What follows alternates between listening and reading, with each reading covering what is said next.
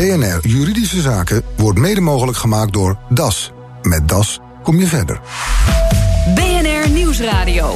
BNR Juridische Zaken. Paul van Liemt. Deze week gaat de Algemene Verordening Gegevensbescherming in. Het merendeel van het MKB is er nog niet klaar voor. Bij mij in de studio Christian Alberding-Tijn, privacyadvocaat van bureau Brandij. Stijn Sarneel van consultancybedrijf Lumen Group... en voorzitter van de Vereniging van Compliance Professionals. En David de Noot, secretaris van MKB Nederland. Heren, welkom. Dank. Ja, ik wou net zeggen, ja, ze zijn er toch wel? Ja, ze zijn er alle drie en uh, keurig opgevoed. Laten we beginnen met een rondje. Wat is volgens jullie het grootste obstakel van deze AVG, Algemene Verordening Gegevensbescherming? Ik begin met Christian Albering-Tijn.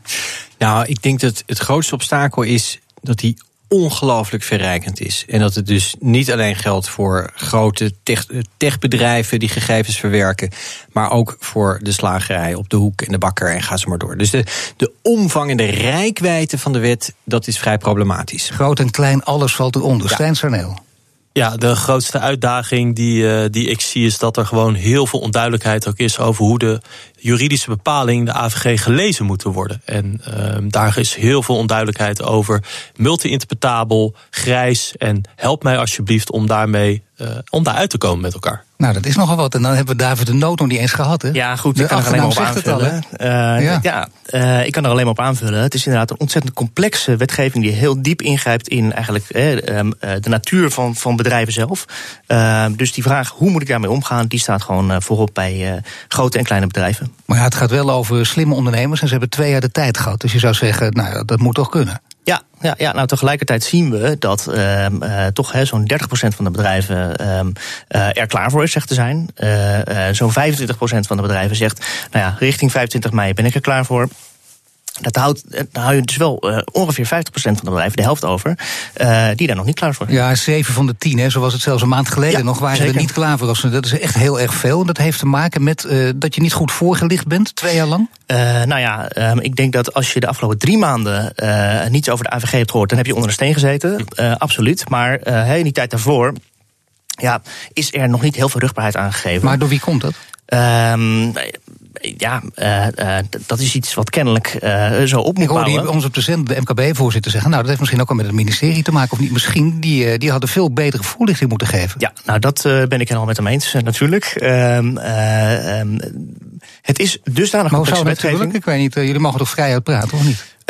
ja, ja. nee, anyhow, uh, die, die voorlichting vanuit het ministerie en vanuit de autoriteit persoonsgegevens, die had inderdaad een stuk beter gekund, een stuk meer. Als je kijkt naar wat er nu ligt, door het ministerie bijvoorbeeld, een handboek. Nou, die is evenveel pagina's als artikelen uh, de AVG heeft. Hè, dus 99 ja. pagina's. Zie er maar eens doorheen te komen. Dus daar moet je echt wel bijna jurist voor zijn. Dan kan je als MKB er echt niks mee. En als je kijkt naar wat bijvoorbeeld de autoriteit persoonsgegevens heeft, een 10-stappenplan. Ja, als je je daaraan houdt, ja, dan ben je absoluut niet compliant. Nee, maar hè? dus het MKB of... misschien zelf ook niet uh, onderschat. En gedacht van, uh, nou, drie maanden van tevoren gaan we er eens flink over buigen. Maar dat hadden we meteen moeten doen. Het is ingewikkeld genoeg. En wij hadden beter ook uh, voorlichting zelf kunnen geven van uh, de ondernemers. Nou, dat is, een, dat is op zich een valide punt. kijk, ik heb vorig jaar september ook al aan het ministerie laten weten van... jongens, um, hier moet je wat mee. Um, wij als MKB Nederland kunnen niet alleen die broek aantrekken. Nee. dat is ook omdat... Um, de fietsenmaker een hele andere AVG-implementatie heeft dan een bouwbedrijf, uh, dan een salesorganisatie. Dus uh, vanuit zeg maar een, een, een, koepel zoals wij die zijn, is dat eigenlijk niet te doen. Wij pleiten eigenlijk veel meer voor een brancheaanpak. Een branche kent zijn ondernemers goed, weet welke processen daar zijn, is ook een vertrouwde partner in communicatie. Ja, maar de huidige situatie is dus dat heel veel mensen het nog niet weten na twee jaar, omdat het ingewikkeld genoeg is. Op allerlei gebieden is dat ook al duidelijk geworden. Ja. Lijkt me voor advocaten fantastisch, Christian Alberding Ja, dit is een lawyer's paradise. Toch, het is een ja. geweldige tijd. ja. Nou moet ik eerlijk gezegd wel zeggen dat ik uh, mijn medewerkers een beetje in de gaten moet uh, houden. Want die raken wat uh, overwerkt op het moment. Mm -hmm. Nee, het is onwaarschijnlijk druk. Het is ook wel uh, lekker een keer. Hè. Normaal gesproken moet je een beetje als uh, messias, evangelist uh, de, de, de bühne op en te zeggen: je moet echt voldoen. Maar nu, ja, het gaat vanzelf. Iedereen leest de kranten, luistert naar BNR en gaat zo maar door. Dus begrijpt dat er iets moet gebeuren. Dus het is prettig. Maar is het ook een, een feestje waard? je, je zegt de privacy is beter beschermd, dan moeten we nu gaan vieren. Nou ja, de ironie is dat wat de AVG nu doet, we eigenlijk met z'n allen al sinds 1995 hadden moeten doen. Dus voor 80% brengt de AVG niks nieuws. Nee. Voor 20% uh, wel.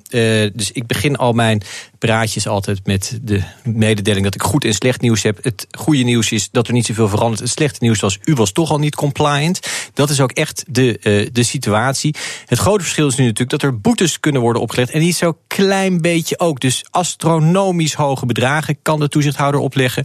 Burgers kunnen klachten indienen bij de toezichthouder. En die kunnen ook zelf schadevergoedingen gaan. Maar noem eens iets van wat, wat voor boetes kunnen dat worden? Wat voor bedragen, waar, waarin kan het oplopen?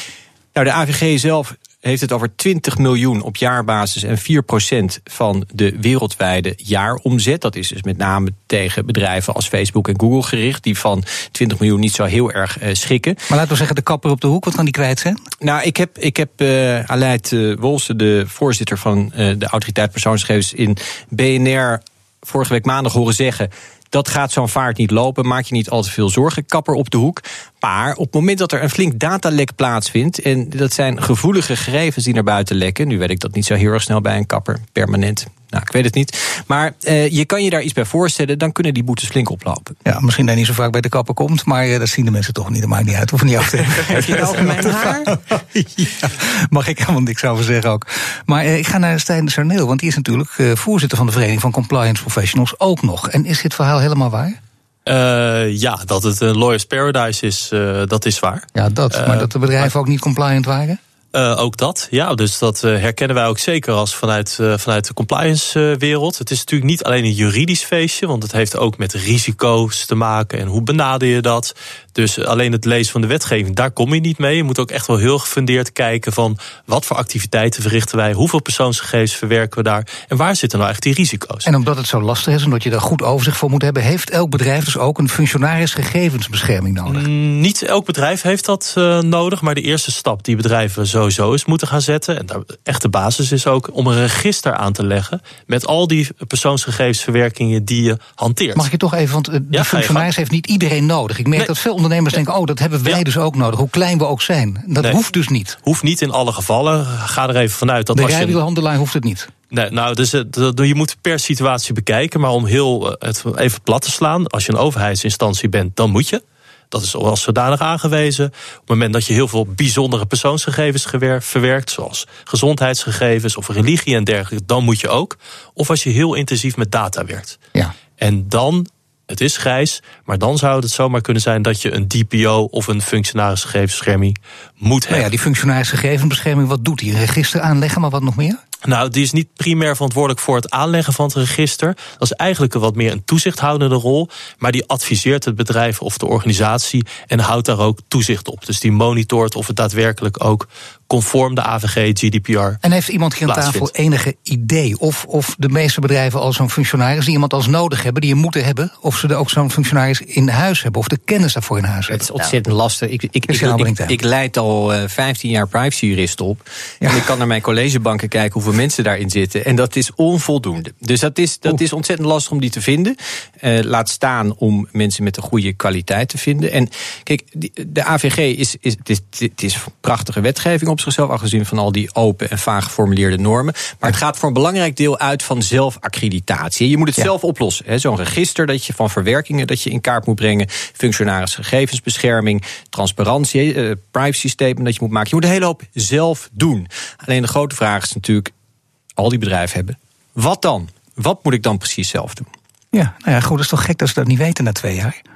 Dat is ook gek, maar dat komt voor een belangrijk deel door die open normen. Er staat bijvoorbeeld ten aanzien van veiligheid en beveiliging, heel belangrijk onderwerp, staat in de AVG dat je passende organisatorische en technische maatregelen moet, moet nemen, gelet op de aard van de risico's en de gevoeligheid van de gegevens die worden verwerkt. Ja, en allemaal uit het hoofd, heerlijk. Vertel, vertel mij nou eens wat ik moet doen. Geen dus idee, dat, ja. Wat ik ook wel zie in de markt, Paul, is van we hebben het erover over communicatie en hadden ze dat moeten weten, de ondernemers. Hè? Ja. Maar wat ik ook toch wel zie, dat er een heel grote groep wel geïnformeerd is, maar toch een behoorlijk lange tijd heeft gewacht om daadwerkelijk aan de slag te gaan. Gewoon menselijk gedrag, denk ik. Hey, het komt nu echt steeds dichterbij. Laten we er dan nu maar eens aan ja, gaan menselijk beginnen. gedrag. Ik, toevallig hoorde ik pas dat het veel met puberbrein te maken heeft. Maar dat is een hele andere discussie. Okay. Maar, goed, nee, maar, dus uitstellen, maar goed, uitstellen tot het laatste moment. dat herkennen we allemaal precies, een beetje. En dat zie ik toch ook wel heel erg gebeuren. En uh, heel veel bedrijven, instanties wilden er gewoon niet aan. Die zaten in ontkenningsfase en zijn nu toch wel wakker geworden van die impact die we eerder beschreven, dat die toch wel behoorlijk groot kan zijn. Ja, herkent het MKB dat ook, de Nou ja? Ehm, eh, ik denk inderdaad, eh, niets menselijks is ook ondernemersvreemd. Eh, eh, dus eh, ja. Eh, maar waarom? De, de makkelijke dingen, ja, daar focus je op. De Ja. dingen die echt ontzettend complex zijn, zoals net beschreven, ja, die laat je even liggen. Hè. Dus eh, het is niet zo dat er gewoon eh gefreewheeld is. Er zit wel een reden Maar achter. waarom die taaie kost? Ik bedoel, daar probeer je op allerlei manieren naar van af te komen. Heel veel advocaten Ja. en notarissen geven juist het goede voorbeeld. Van niet meer in, in, in die taal die we jaren geleden hanteerden, maar proberen dat helder onder woorden te brengen. Daarmee geef je ook aan dat je, eh, dat je zelf ook begrijpt wat je doet. Ja, nou ja, goed. eh, kijk, de wetgeving blijft dus die taaie kost, eh, die uiteindelijk een uitleg behoeft. eh, waarvan wij denken van, nou ja, goed, een brancheorganisatie die kan die geven aan zijn MKB'ers. En het moet dan niet ook weer een boekwerk van 10 pagina's zijn. Er zijn twee brancheorganisaties, bijvoorbeeld de Metaalunie en, en ehm, eh, Nederland ICT. Die hebben echt een, een fantastische code geschreven. Eh, ehm, en een ondernemer ziet daar eigenlijk in één kantje. Ja, wat moet ik nou doen als ik morgen compliant wil zijn? Nou ja, morgen zal dat niet helemaal lukken, maar eh, die geven echt hulp, Ja. daadwerkelijk aan die clubs. En er is natuurlijk een hele schare eh, eh, brancheorganisaties. Die hebben niet het geld en de middelen. Nee. Ja, en die zou je dus een handje moeten helpen. En straks ben je er als je toestemming vraagt. BNR Nieuwsradio. BNR Juridische Zaken. Wat je veel hoort in relatie tot de Algemene Verordening Gegevensbescherming is: je mag van alles als je maar toestemming vraagt. En daar willen mijn gasten van vandaag nog wel wat over kwijt. David de Noot, secretaris van MKB Nederland, Christian Alberding privacyadvocaat van bureau Brandijs en Stijn Sarneel van consultancybedrijf Lumen Group.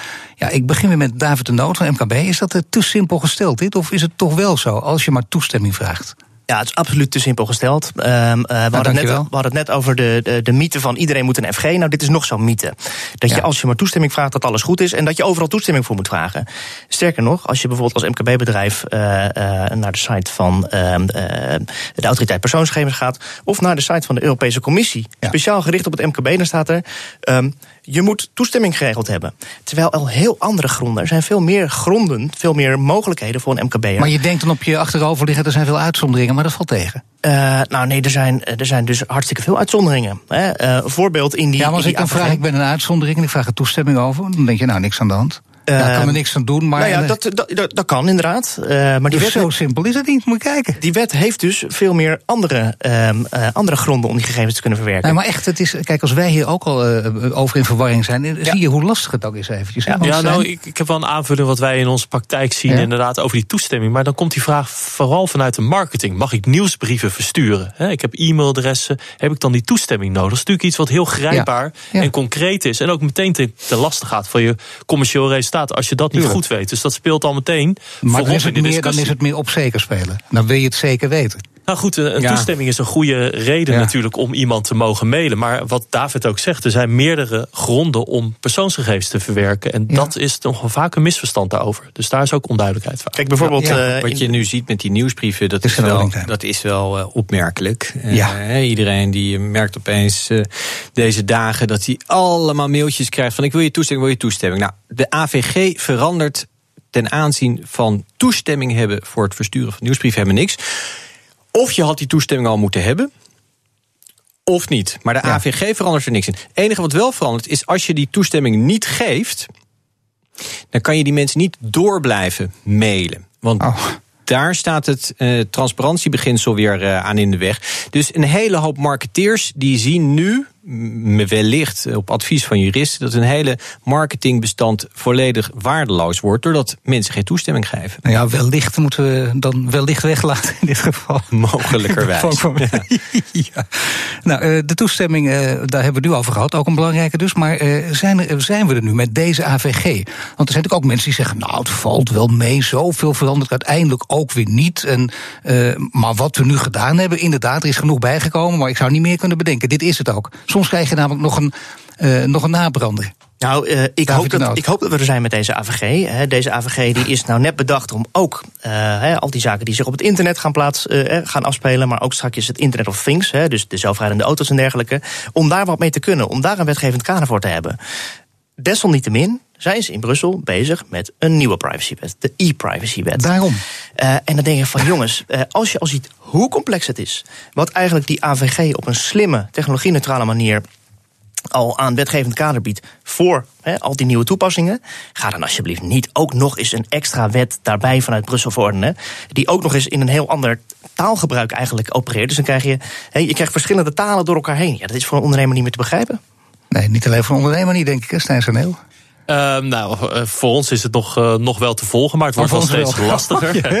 het wordt wel steeds lastiger, ook uh, wat David nog niet heeft vermeld, maar is dat er ook ontzettend veel interpretaties nog komen vanuit Europa over hoe moet ik die wetgeving dan lezen. Nou, dat was eerst, die wet is misschien maar 100 artikelen. Maar als je nu gaat kijken hoeveel interpretaties, nou ik kan het niet uitbeelden op de radio, maar dat is toch al een behoorlijke stapel. Ja, en daar nou, je maakt je een heel klein gebaartje, maak je. Dat, dat zag er vrij geruststellend uit, maar het is, dit is het. Het is dus toch echt wel, gigantische stapel. Toch wel een gigantische stapel aan het worden. En vergis je niet, ook jouw organisatie of bedrijf is in beweging. En eh, ook al blijft de wetgeving hetzelfde, dan nog zou je in moeten spannen om te blijven voldoen aan de wet en regelgeving. Ja, maar al die interpretaties, er komt nog een aparte wet aan uit Brussel. Ook nog in verschillende talen opgesteld, dat eh, David de Noot zegt. Dus ja, het is Ja, kijk, we zijn het over vrij basale begrippen niet eens. Wat is bijvoorbeeld een persoonsgegeven? Vrij elementair, hè, als je het daarover hebt. Nou, Google verschilt principieel van mening met de toezichthouders over wat een persoonsgegeven is. Bijvoorbeeld, is een IP-adres, is een MAC-adres van jouw apparaat, is dat een persoonsgegeven? Google zegt nee, toezichthouders zeggen ja, onder omstandigheden wel. dat, soort, dat soort kwesties, dat, uh, ja, dat maakt het lastig. Nou, wat ik nu doe is, uh, normaal gesproken jullie bedanken, maar nu doe ik dat voorlopig, want er komt nog iemand achter. Ik dank jullie voorlopig, dus Stijn Serneel, voorzitter van de Vereniging van Compliance Professionals, David de Noo, secretaris van MKB Nederland en Christian Alberding Tijn, privacyadvocaat van bureau Brandijs. En hier komt hij. Wat zeggen? Ja, daar komt hij. BNR Nieuwsradio. BNR Juridische Zaken. Deze week kunnen we er echt niet meer omheen. We hebben het er al de hele uitzending over. De Europese privacywetgeving, de Algemene Verordening Gegevensbescherming, die gaat in. Wat als je er toch niet klaar voor bent? Aleid Wolfs is voorzitter van de Autoriteit Persoonsgegevens. Meneer Wolfs, dan moet u aan de bak. Eh, gaat u ook echt meteen boetes uitdelen? Nou, echt meteen boetes uitdelen is natuurlijk op zich niet waarschijnlijk, omdat we pas vanaf 25 mei eh, de eerste klachten kunnen ontvangen. Dat is één. En we, al die klachten nemen we in behandeling. En als er wat fout is, zullen we er ook uh, kunnen optreden en ook moeten optreden vanzelfsprekend. Dat ligt natuurlijk wel aan de ernst van de overtreding. En aan de andere kant zullen we ook spontaan gaan kijken bij verschillende sectoren. En zo'n onderzoek duurt ook altijd even maar. De serieuze kant is wel dat vanaf 25 mei die boetebevoegdheden, het voldoen aan de wet, ook echt een feit is. Niet zo dat u bijvoorbeeld letterlijk een periode van drie maanden bijvoorbeeld heeft uh, ingerekend? Nou, die periode is eigenlijk nu, die eindigt. Dat is natuurlijk wat misverstand misschien hier en daar. Dus er is op verzoek van heel veel uh, brancheorganisaties in Europa, waaronder de VNO, NCW en allerlei andere grote brancheorganisaties, is er gevraagd om een hele lange periode, een hele lange overgangsperiode. En dus is na vier jaar onderhandelen tussen 2012 en 2016 is de, overgangs, is die in de wet feitelijk in werking getreden al in 2016, april 2016.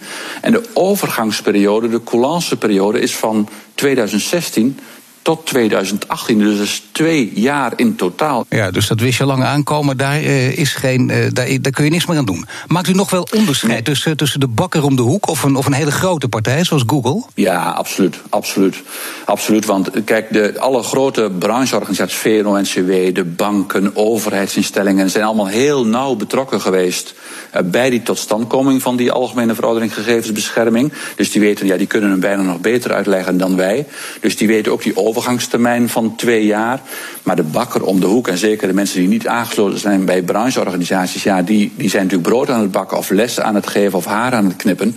En niet elke dag bezig met privacy. Dus daar zullen we echt ook rekening mee houden. Maar de andere kant is wel, ze moeten natuurlijk wel voldoen aan de wet. En we horen ook wel van, nou ja, van bakkers en van, van, van, van, van, kappers dat die zeggen, ja, we snappen de, de noodzaak om heel goed en zorgvuldig met onze klantgegevens om te gaan, bijvoorbeeld. Ja, dat snappen we zeker. Natuurlijk, maar dan hebben we het steeds over bedrijven, over ondernemers eh, die er klaar voor moeten zijn, over de last van de wet. Maar burgers zijn nu beter beschermd. Kunnen die met hun klachten ook allemaal bij u terecht? Ja, onmiddellijk. En alle klachten die bij ons worden ingediend, die gaan we ook allemaal uh, behandelen. Maar dat kunnen er miljoenen zijn. Vult u dat allemaal aan? Nou, ik, ik denk dat dat mee, echt mee gaat vallen. Omdat wij worden op dit moment platgebeld, uh, bijna letterlijk, uh, door heel Nederland. We hebben nu in en, uh, op dit moment al meer telefoontjes binnengekregen in de eerste maanden van dit jaar dan vorig jaar in het hele jaar. bijna 10.000. Dus er is enorm, er zitten heel veel telefoontjes bij met verzoeken om informatie. Maar dus toch hulptroepen achter de hand. Maar toch hulptroepen voor achter de hand voor eh, stel dat plan B in werking moet treden? Ja, we groeien wel. En we, hebben, we zijn al meer dan verdubbeld, dus we groeien nog sterk door.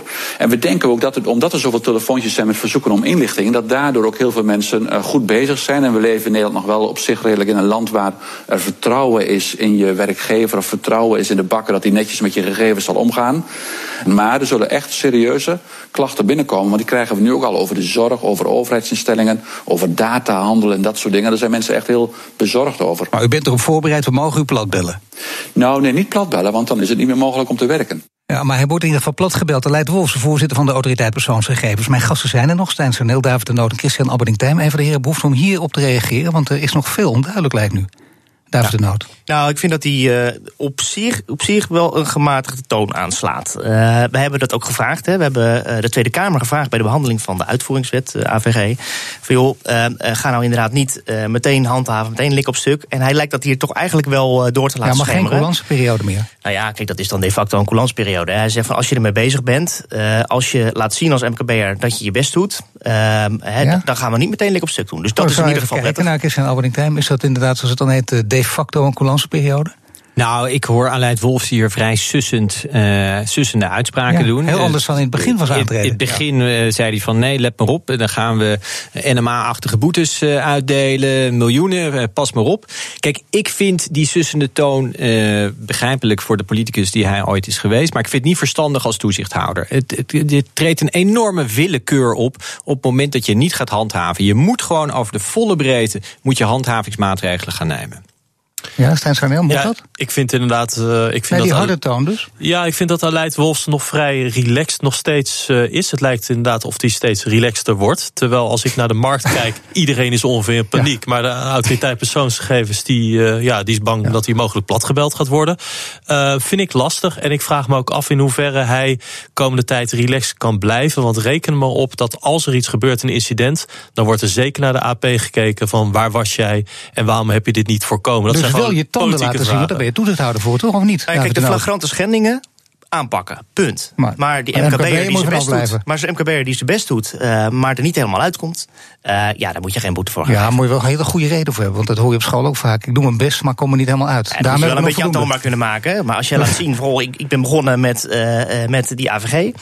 dan vind ik het niet gek dat een toezichthouder zegt: Nou ja, ehm, eh, we komen over een paar weken terug om te kijken hoe het beter gaat. Oké, iets minder relaxed. Dus dat is de boodschap van Aleid Wolfsen. Dank u wel, heren. Heeft u ook een juridische vraag? Mail hem naar juridischezaken.bnr.nl. Dit was de uitzending voor vandaag. U kunt de show terugluisteren via bnr.nl slash juridische zaken. Mijn naam is Paul van Diemt. Tot de volgende zitting. BNR Juridische Zaken wordt mede mogelijk gemaakt door DAS. Met DAS kom je verder.